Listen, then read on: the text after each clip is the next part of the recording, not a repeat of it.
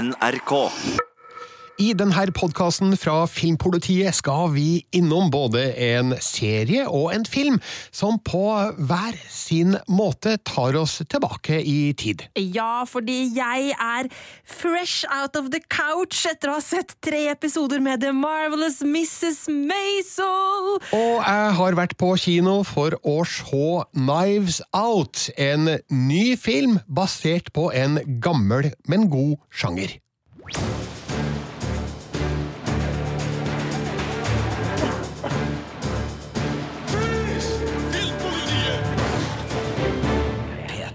Hjertelig velkommen altså til oss i Filmpolitiet, og oss det er Birger Vestmo. Og meg, Marte Hedenstad. Og vi skal først til en ny serie som vi begge har gleda oss veldig mye til, Yes. nemlig sesong tre av Hva var det den het, sa du? The Marvelous Mrs. Maisel. Ja, det er sånn tittel som bare ruller veldig lett og naturlig ut. Ja, og så må man si det med sånn innlevelse. Ja, man må det. Eh, Det her er jo en serie som har tatt verden med storm, og som har høsta masse Emmy-priser, og som nå står foran en tredje sesong som eh, virkelig har presset på seg. For de to første sesongene er komidrama av høyeste kvalitet. Det er de virkelig, og Rachel Brosnahan tok meg med storm i første sesong da hun gjorde sitt inntog da, som eh, Midge Maisel, og eh, hun fortsatte med det i sesong to. Eh, og nå har jeg jo da eh, begynt å se sesong tre. Jeg har sett tre episoder, og dette her er da et førsteinntrykk fra meg. Og jeg koser meg allerede med The Marvelous Mrs. Maisel. This is the first of a million tours.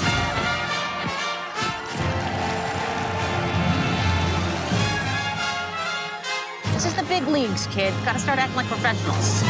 Susie Meyerson, remember the face? Yes, sir. Susie Meyerson, remember the face. That guy doesn't work here. What?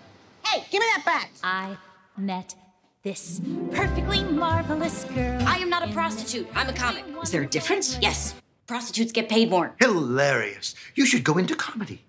I did. And now this wild, unpredictable girl. Ja, jeg bare gliser allerede, for det her høres jo virkelig morsomt og gledesstrålende ut. Ja, eh, og det er det. Eh, nå skal jo eh, Midge ut på turné, for hun booka jo seg en en skikkelig sweet spot eh, der i eh, forrige sesong, eh, og skal rett og slett ut på turné sammen med en, en stor stjerne eh, som er eh, sanger.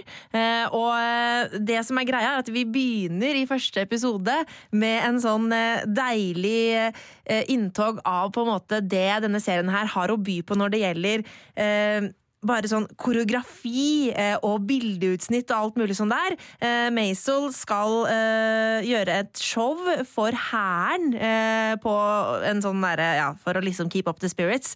Og det er bare det er bare en fryd å se på umiddelbart. Masse dansere eh, som ordner og styrer, og hun kommer og selvfølgelig tar alle gutta i kakegrønt med storm. Um, og så eh, er det jo dette det her med at hun skal ut på turné, og da er det jo ikke bare bare, eh, fordi hun har jo barn, eh, som jo ser ganske lite til i serien, eh, og de skal jo da plasseres rundt eh, hos familien.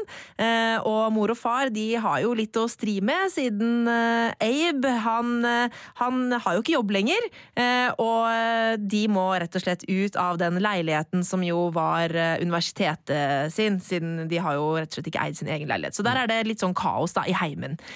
Det her høres veldig lovende ut, men eh, faktum er jo, Marte, at eh, nå snakker vi for de innvidde. De Ja, som har sett eh, Marvelous Ikke Mrs. sant, Maisel. ja. Kan du bare kort gi oss et lite bakteppe her for hvem er det her, og Ja. hva slags serie er det vi snakker om? Hvis du aldri har sett Marvelous Mrs. Maisel før, så skal jeg gi deg en kort innføring. Dette her handler da om Miriam, eh, som, eh, med kallenavnet Midge, eh, som rett og slett oppdager at mannen er utro i første sesong.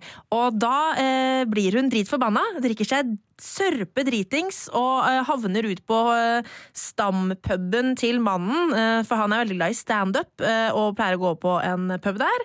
Og hun griper mikrofonen fatt og lirer av seg noen saftige fraser om denne jævelen av en ektemann, og blir dermed oppdaget som et komisk talent. Ja, Og det her kunne jo vært pinlig nok i 2019, men det her foregår i New York på 50-tallet. Og det er jo så deilig, for det betyr at vi har liksom all den der herlige 50-tallsestetikken.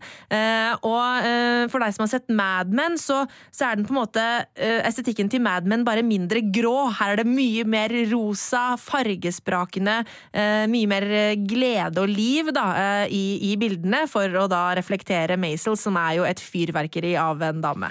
Og historiemessig så er det jo da en enda større kontrast her mellom hva kvinner har lov til i hermetegn å gjøre, og det menn har lov til å gjøre. Ikke sant. Og sånn som vi hørte i trailerklippet for sesong tre her nå, så var det da Abe, faren hennes, som, eh, som har en liten krangel eh, med Maisel om at ja, nei, altså, hva med Du ser ut som en prostituert, liksom. Så, bare, men jeg er ikke en prostituert, eh, de får jo betalt mer, ha-ha-ha.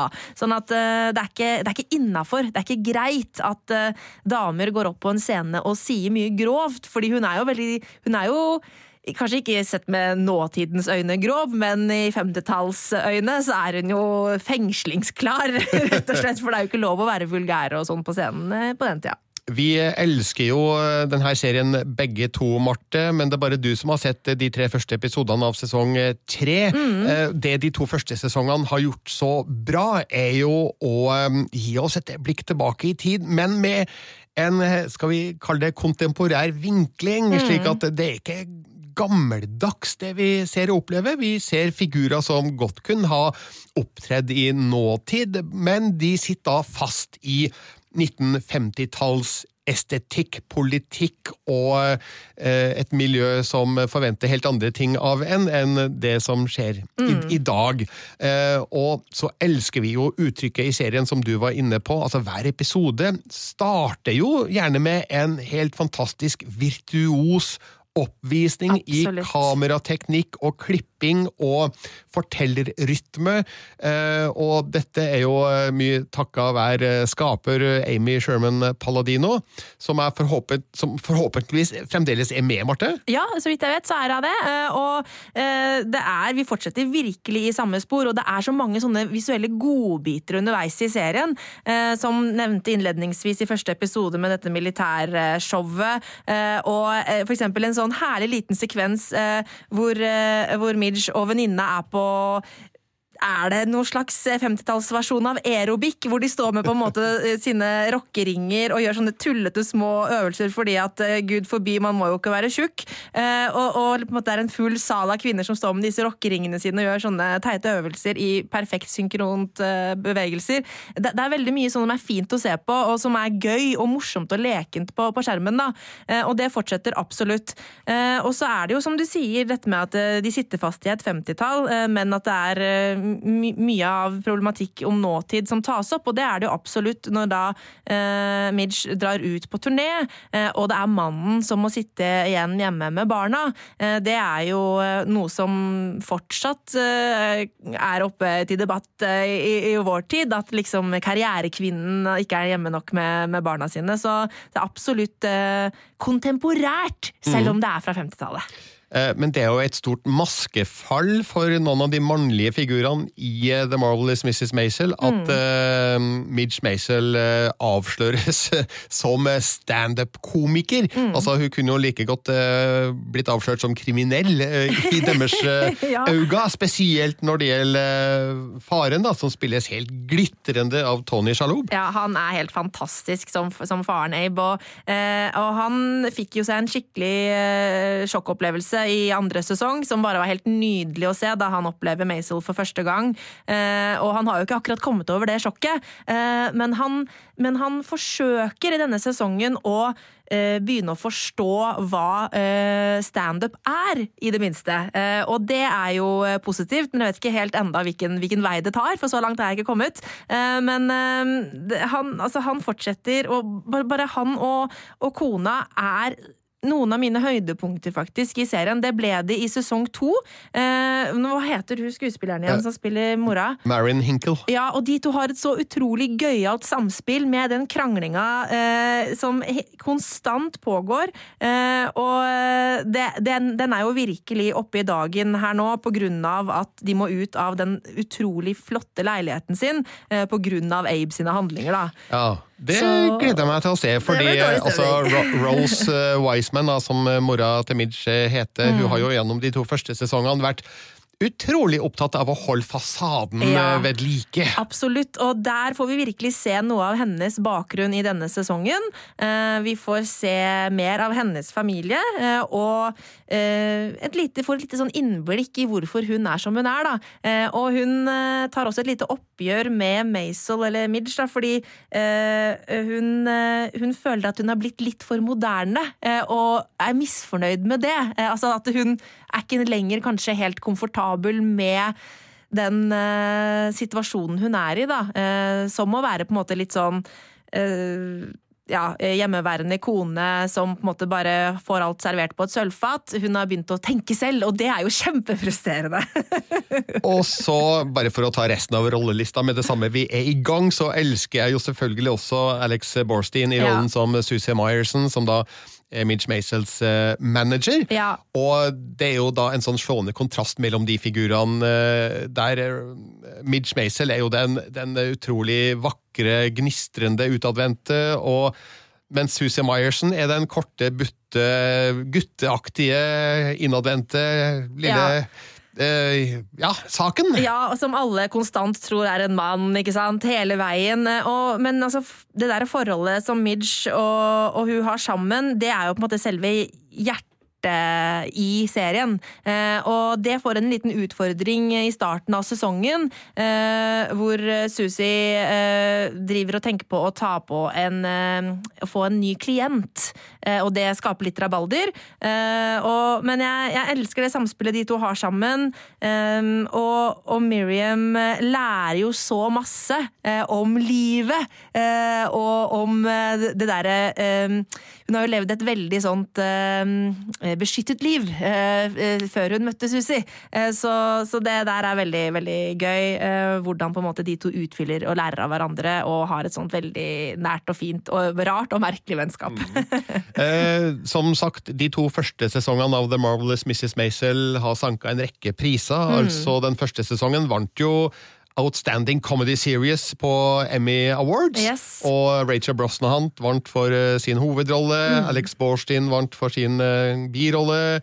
Amy Sherman Palladino for eh, regi Mm. og for manus. Og ja, hele castet fikk jo en sånn Outstanding Casting for a Comedy Series-pris. Rett og slett. Og musikken og kamera vant også prisa. Mens i den andre sesongen så vant de også en del eh, sånne litt mindre priser. Det var vel en serie som het Fleabag som kom inn Det var, så det handler, det handler nok ikke om at eh, sesong to eh, var noe dårligere, men konkurransen blir såpass hard, for Fleabag er jo en helt fantastisk serie. Så den gjorde jo litt, litt reint bord der, kan du si. Men når du nå har sett de tre første av sesong tre, du har, så vidt jeg da har skjønt, et inntrykk av at kvaliteten eh, er opprettholdt? Absolutt, det syns jeg.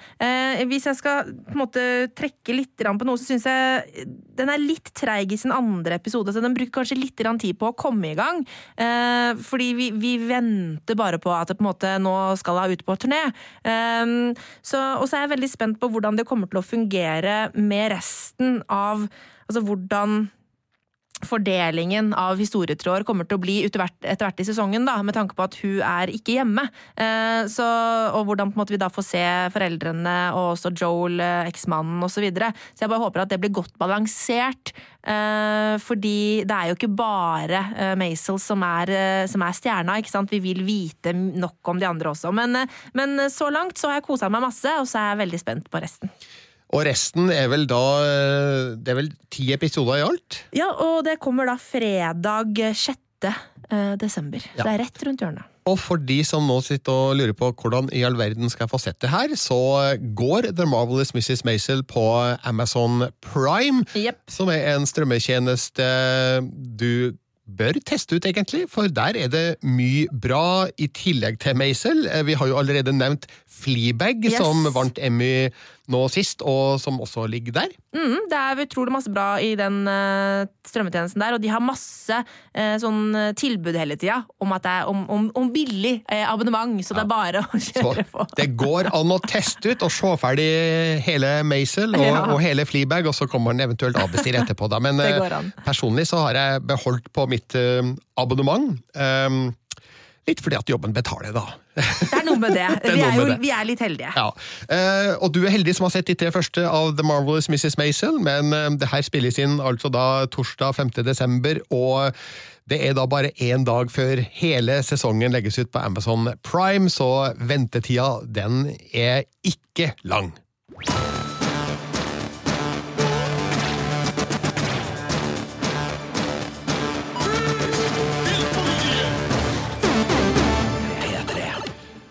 Marte, er du glad i eh, påskekrim? Uh, ja, altså jeg har jo sett My Fair Share of Agatha Christie opp gjennom åra. Ja, da, da kjenner du sikkert til begrepet Who Done It-film. Absolutt, absolutt. Altså, hvem gjorde det film, da, oversatt det til, til norsk? butleren! Det var butleren som gjorde det! Ja, Det er jo den klassiske, ikke sant? Ja. Veit egentlig ikke om butleren noen gang har gjort det! Nei, det er jeg også litt usikker på, egentlig, når du sier det. Men dette er jo en kjent, kjær og gammel sjanger med lange tradisjoner, og som vi har sett utallige eksempler på. Eh, nå kommer det da en ny film på kino som tar tak i denne sjangeren, og som dyrker dens elementer. Men gjør det på en veldig frisk, original, morsom og underholdende måte. Det er snakk om Knives Out. Thank you all for getting together like this. It isn't legally necessary, but I thought because you're all in town and some of you are leaving soon. Excuse me. Uh, uh, I'm sorry. Uh, Ladies and gentlemen, I would like to gently request that you all stay in town until the investigation is completed. Yeah, well, he's gently requesting, but I'm gonna have to make that an order. No one move until we figure this all out. What? Can we ask why? Has something changed? No.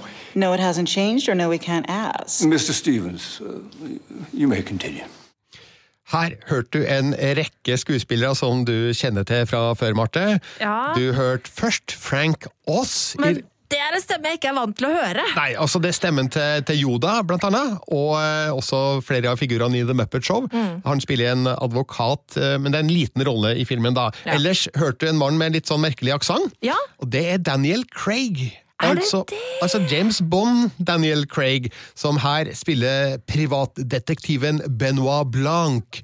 Og så hørte du Lakeith Stanfield i rollen som eh, en politietterforsker, og så hørte du Tony Collette som eh, en av figurene i det her store og rike persongalleriet. Ja, Det var Tony Collette var den eneste stemmen jeg faktisk kjente igjen. Ja, hun er ganske lett å kjenne igjen. Eh, og de deltar da i Knives Out, som finner sted på en herregård. Altså i og rundt en stor herregård som ligger litt sånn øde til. Eh, der blir det da funnet et uh, mordoffer. Nemlig Harlan Thromby, spilt av The Sound of Music-stjerna Christopher Plummer. Åh, så han er, han, er, han er med i filmen, men er død! Ja, det her er ingen spoiler, fordi det her er det første du ser okay. i filmen. Å, filleren! Jeg liker jo han så godt. Ja, men jeg kan trøste deg med at eh, filmen eh, inneholder en rekke tilbakeblikk. Det er bra. Fordi det her handler om det som skjedde kvelden før han blir funnet død. Ikke sant. Han er da en 85 år gammel eh, suksessrik forfatter, eh, en veldig rik eh, forfatter, som da blir feira av hele familien med en stor middag på dette godset. Eh, Men morgenen etter så blir han funnet død av sin personlige assistent Martha, spilt av Ana de Armas. Eh, privatdetektiven Benoit Blanc kommer inn i bildet, eh, og, da, og begynner da å intervjue alle familiemedlemmene, som inkluderer da Chris Evans i rollen som eh, sønnesønnen Hugh Ransom Drysdale, Jamie Lee Curtis som eh, forfatterens datter Linda Drysdale, Don Johnson i rollen som Lindas eh, ektemann, Michael Shannon som eh, forfatterens eh, sønn og bestyrer av forlaget, Walt Thromby. Tony Collette spiller da eh, Joni Thromby, som da er svigerdatter av forfatteren. Eh, og Catherine Langford, eh, kjent fra 13 Reasons Why, som da spiller datterdatter av eh, forfatteren.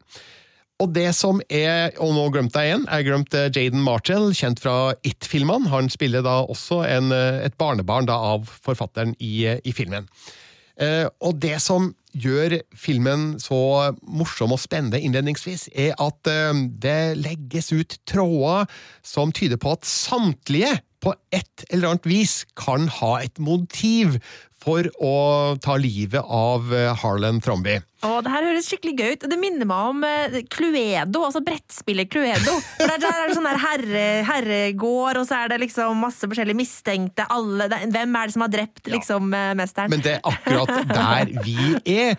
Fordi som publikummer så blir man jo sittende og gjette og vurdere hvem som kan ha gjort det, hvem som har et sterkest motiv, og så får vi jo sånne puslespillbiter servert hele veien da, eh, og så må man prøve å legge det sammen sjøl og danne seg et bilde av hva som kan ha skjedd her. Klarte du å gjette riktig? Eh, nei, nei, jeg vet du hva, jeg, vil ikke si noe om Ah, det, Marte. okay, okay. Ja, det, det, det er viktig at man ikke avslører for sant. mye i en film som det her. Her bør man egentlig stille med blanke ark og Ja. se historien sjøl med friske øyne. Men jeg kan si at eh, det er et skarpt skrevet manus som regissør Ryan Johnson har stått for sjøl. Der han eh, gir eh, alle figurene en eh, en eh, ganske god backstory. Vi skjønner dynamikken mellom dem. Vi skjønner hvem som har et horn i sida til hvem. Eh, og samtidig så eh, holder den oss litt i skyggen mm, for eh, sannheten her. Og eh, jeg skal ikke si at eh, Ryan Johnson prøver å villede oss, men eh, det er mange eh, sammenhenger her som kan være litt vanskelig å få øye på sånn ved første syn. Ja. Eh, Men jeg liker veldig godt måten det her eh, fortelles på, fordi eh, jeg liker spenninga, jeg liker gjetteleken. Og eh, samtidig så er filmen full av eh, vidd og moro, og det er så godt fortalt med en sånn energi og fortellerglede at eh, jeg blir bare sittende som et tent lys gjennom hele spilletida. Og det er ikke en kort film heller, jeg tror den varer i to timer og ti minutter sånn cirka, men eh, den trenger å vare så lenge, og det er et overskuddsprosjekt, føler jeg da, fra alle involverte. For det virker som at eh, de har kost seg skikkelig både foran og bak kamera. Ja, det er gøy, og når det, når det på en måte smitter over til deg som sitter i salen, da, da er det noe som er gjort riktig. Ja, det føler jeg jo også, da. Og eh, det kan virke som at eh, Ryan Johnson har jeg vet ikke om han fikk seg en knekk etter Star Wars The Last Jedi. Det var jo en kjempesuksess, men den har jo sine haters, og eh, han har måttet tåle en del kritikk for måten han utvida Star Wars-universet på. Uh, Sjøl så likte jeg den veldig godt, men eh, nå har han, ja, skal vi si, gått tilbake til eh, en form for litt enklere filmunderholdning, da. Mm. han har oppsøkt noen røtter her som eh, vi har sett masse film av før, men uh, det her er en av de bedre Who Done It-filmene jeg kan huske å ha sett altså på lang tid. Men i anmeldelsen din på p3.no, Birger, så skriver du et 99% vellykket mordmysterium. Eh, Hva, hva er den siste prosenten som gjør at det ikke får terningkast seks? For det gjør ikke filmen. Ja, nei, altså Først må jeg jo si at eh, hvis man stusser over at jeg vet bedre enn Ryan Johnson hvordan man skal lage film, så er det helt korrekt. Ja, ja, ja. Men du, eh, det er det at eh, introduksjonen av filmen er så god. Når vi møter alle de familiemedlemmene. Det er så mange eh, morsomme, spennende figurer her. Eh, men noen av dem forsvinner litt etter hvert som handlinga tar en dreining mot de figurene som viser seg å være de mest sentrale her. Og jeg skulle gjerne ha sett mer av eh, enkelte som eh, jeg føler ikke blir utnytta godt nok da, i historien sånn som eh, den er nå. Det er vel eneste grunnen til at jeg trekker den, den ene prosenten her. Mm. pluss noen få tilfeller av Hvordan skal jeg si det uten å avsløre noe? Ja, det, det, det er et par elementer i handlinga som jeg føler er for enkelt løst. Okay. Eh, la meg bare holde det der. Eh, så derfor så trakk jeg akkurat ned fra sekseren til femmeren, så en meget sterk femmer i hvert fall da, til mm, eh, Knives Out. Og eh, det er flere skuespillerprestasjoner her som jeg føler jeg trenger å poengtere litt eh, nøyere. Altså For det første, Daniel Craig, som eh, for de aller fleste er mest kjent for James Bond. Han har selvfølgelig spilt i flere filmer enn det, men han er jo veldig knytta til Bond-figuren akkurat nå. Men eh, nå spiller han altså da privatdetektiven Benoit Blanc, som sannsynligvis kanskje er fra Louisiana-traktene. Det blir aldri etablert, men han, han snakker med sånn fransk-engelsk aksent. Og eh, veldig utstudert, eh, eller innstudert sådan. Og han minner jo litt sånn i både i talemåte og væremåte som en sånn slags krysning av Hercule Poirot fra Gata Christie og, og Sherlock Holmes. Kanskje ikke Benedict Cumberbatch eh, Sherlock Holmes, men litt eldre versjoner som vi har sett på, på TV.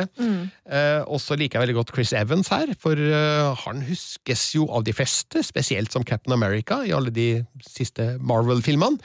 Eh, han ser kanskje ikke så annerledes ut i denne filmen, men han ter seg ganske annerledes, og eh, egentlig en litt sånn ufyselig sleip eh, fyr som du ikke får sånn veldig sympati for. Og så liker jeg veldig godt Ana de Armas i rollen som forfatterens personlige assistent, Marta Cabrera. For, for det første, hun er jeg vet ikke om det her er riktig av meg å si, Marte, det får du bedømme, men hun er usannsynlig vakker. eh, og det, ja ja, altså en skuespiller har selvfølgelig mange kvaliteter, men, eh, Men er det ikke hun som spiller ikke hun i eh, Blade Runner eh, 2029 den eh, hun er- 2049. 2049 Ja. i den Hun er en sånn hun veldig, veldig pen, sånn iskald androide. Er det ikke det hun? Det er helt riktig. Hun Ja. spilte eh, robot, eller androide om Ja. du vil, i eh, Blade Runner eh, 2049. Hun er også med i den eh, neste Bond-filmen for øvrig, No No Time To Die, sammen med Daniel Craig, og ellers så, så har du sett henne i eh, filmer som, nå blar jeg nedover lista her, War Dogs og Knock Knock. Ikke sett. Så hun er en eh, up and coming eh, skuespiller eh, fra Sør-Amerika. Ja. Så hun gjør en veldig fin innsats som, som Martha i uh, Knives Out. Uh, Den, den mest sympatiske og hjertevarme av hele persongalleriet. Ok, for det, da, det her er sånn jeg tenker ofte når det er sånne svære familier som det åpenbart er her, med en eller annen rik, rikt overhode, så uh, ofte så er familien eh, ufyselig. Eh, og veldig sånn eh, Veldig mange eh, usympatiske rollefigurer. Er det sånn her også? Ja, Det er absolutt sånn, fordi eh, alle involverte her eh, er ute etter å mele sin egen kake. Ikke sant. Fordi det er mange penger inn i bildet, og det kappes om rikdommene, og alle vil ha sin del, bortsett fra den personlige assistenten Martha. Så hun blir litt sånn publikums øyne inn i denne familien. Da. Det er hun vi møter aller først, og det er hun som tar oss med inn i huset, og vi blir introdusert for alle familiemedlemmene gjennom hun. Ja. Så uh, hun er vår mann. Hun er, vår, hun er vår kvinne inn i det her universet, og jeg syns Anna de Armas gjør en veldig fin rolle da i, i Knives Out.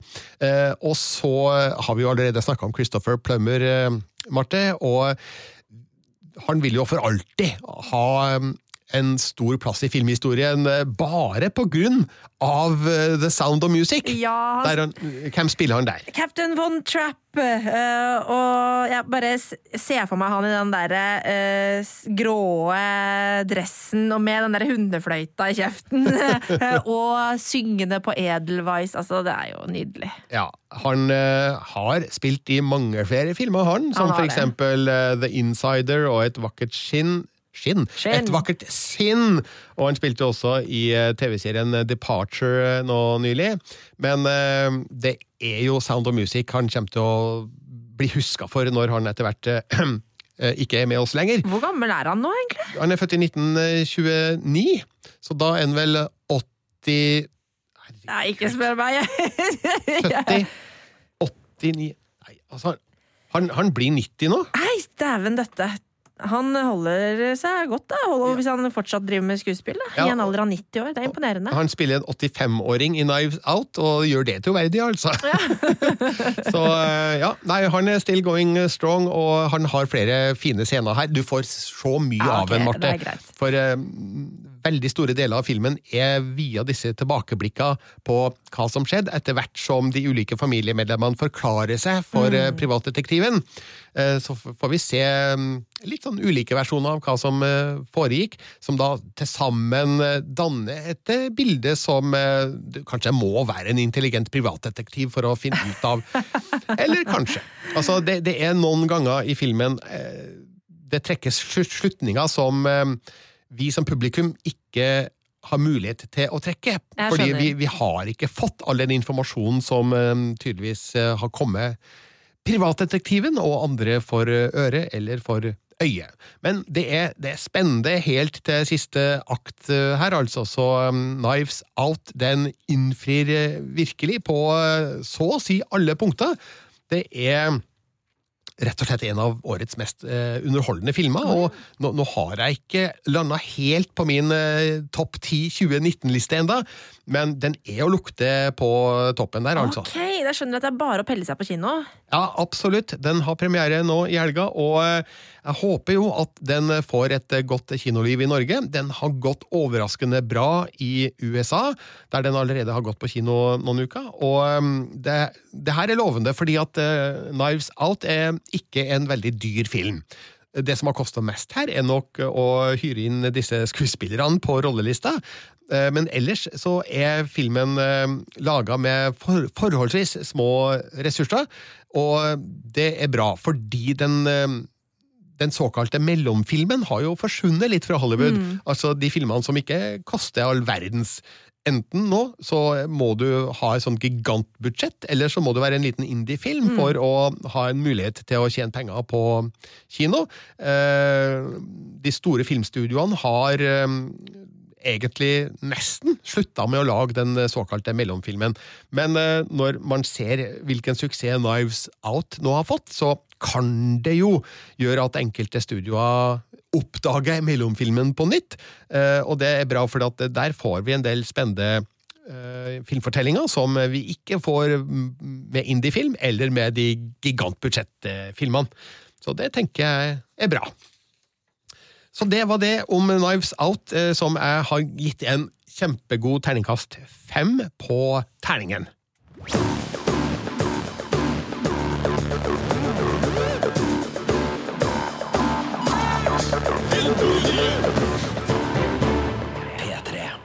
Det er straks slutt for denne podkasten, men eh, det skjer ting på kino også i neste uke. Da kommer skrekkfilmen Black Christmas.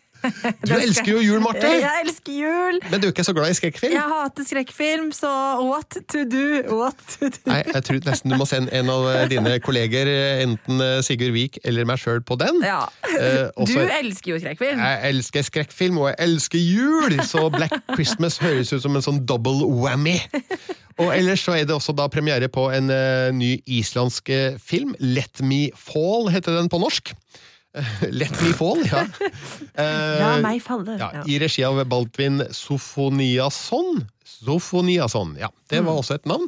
Eh, Island imponerer jo stadig vekk med sterke filmer. Det går helt sikkert mange flere islandske filmer på kino i Norge enn det går norske filmer på kino i Island. Ja, og det er, det er veldig, de er veldig dyktige. Det er mye god film derfra. Det er imponerende med tanke på at det er så lite land. Absolutt.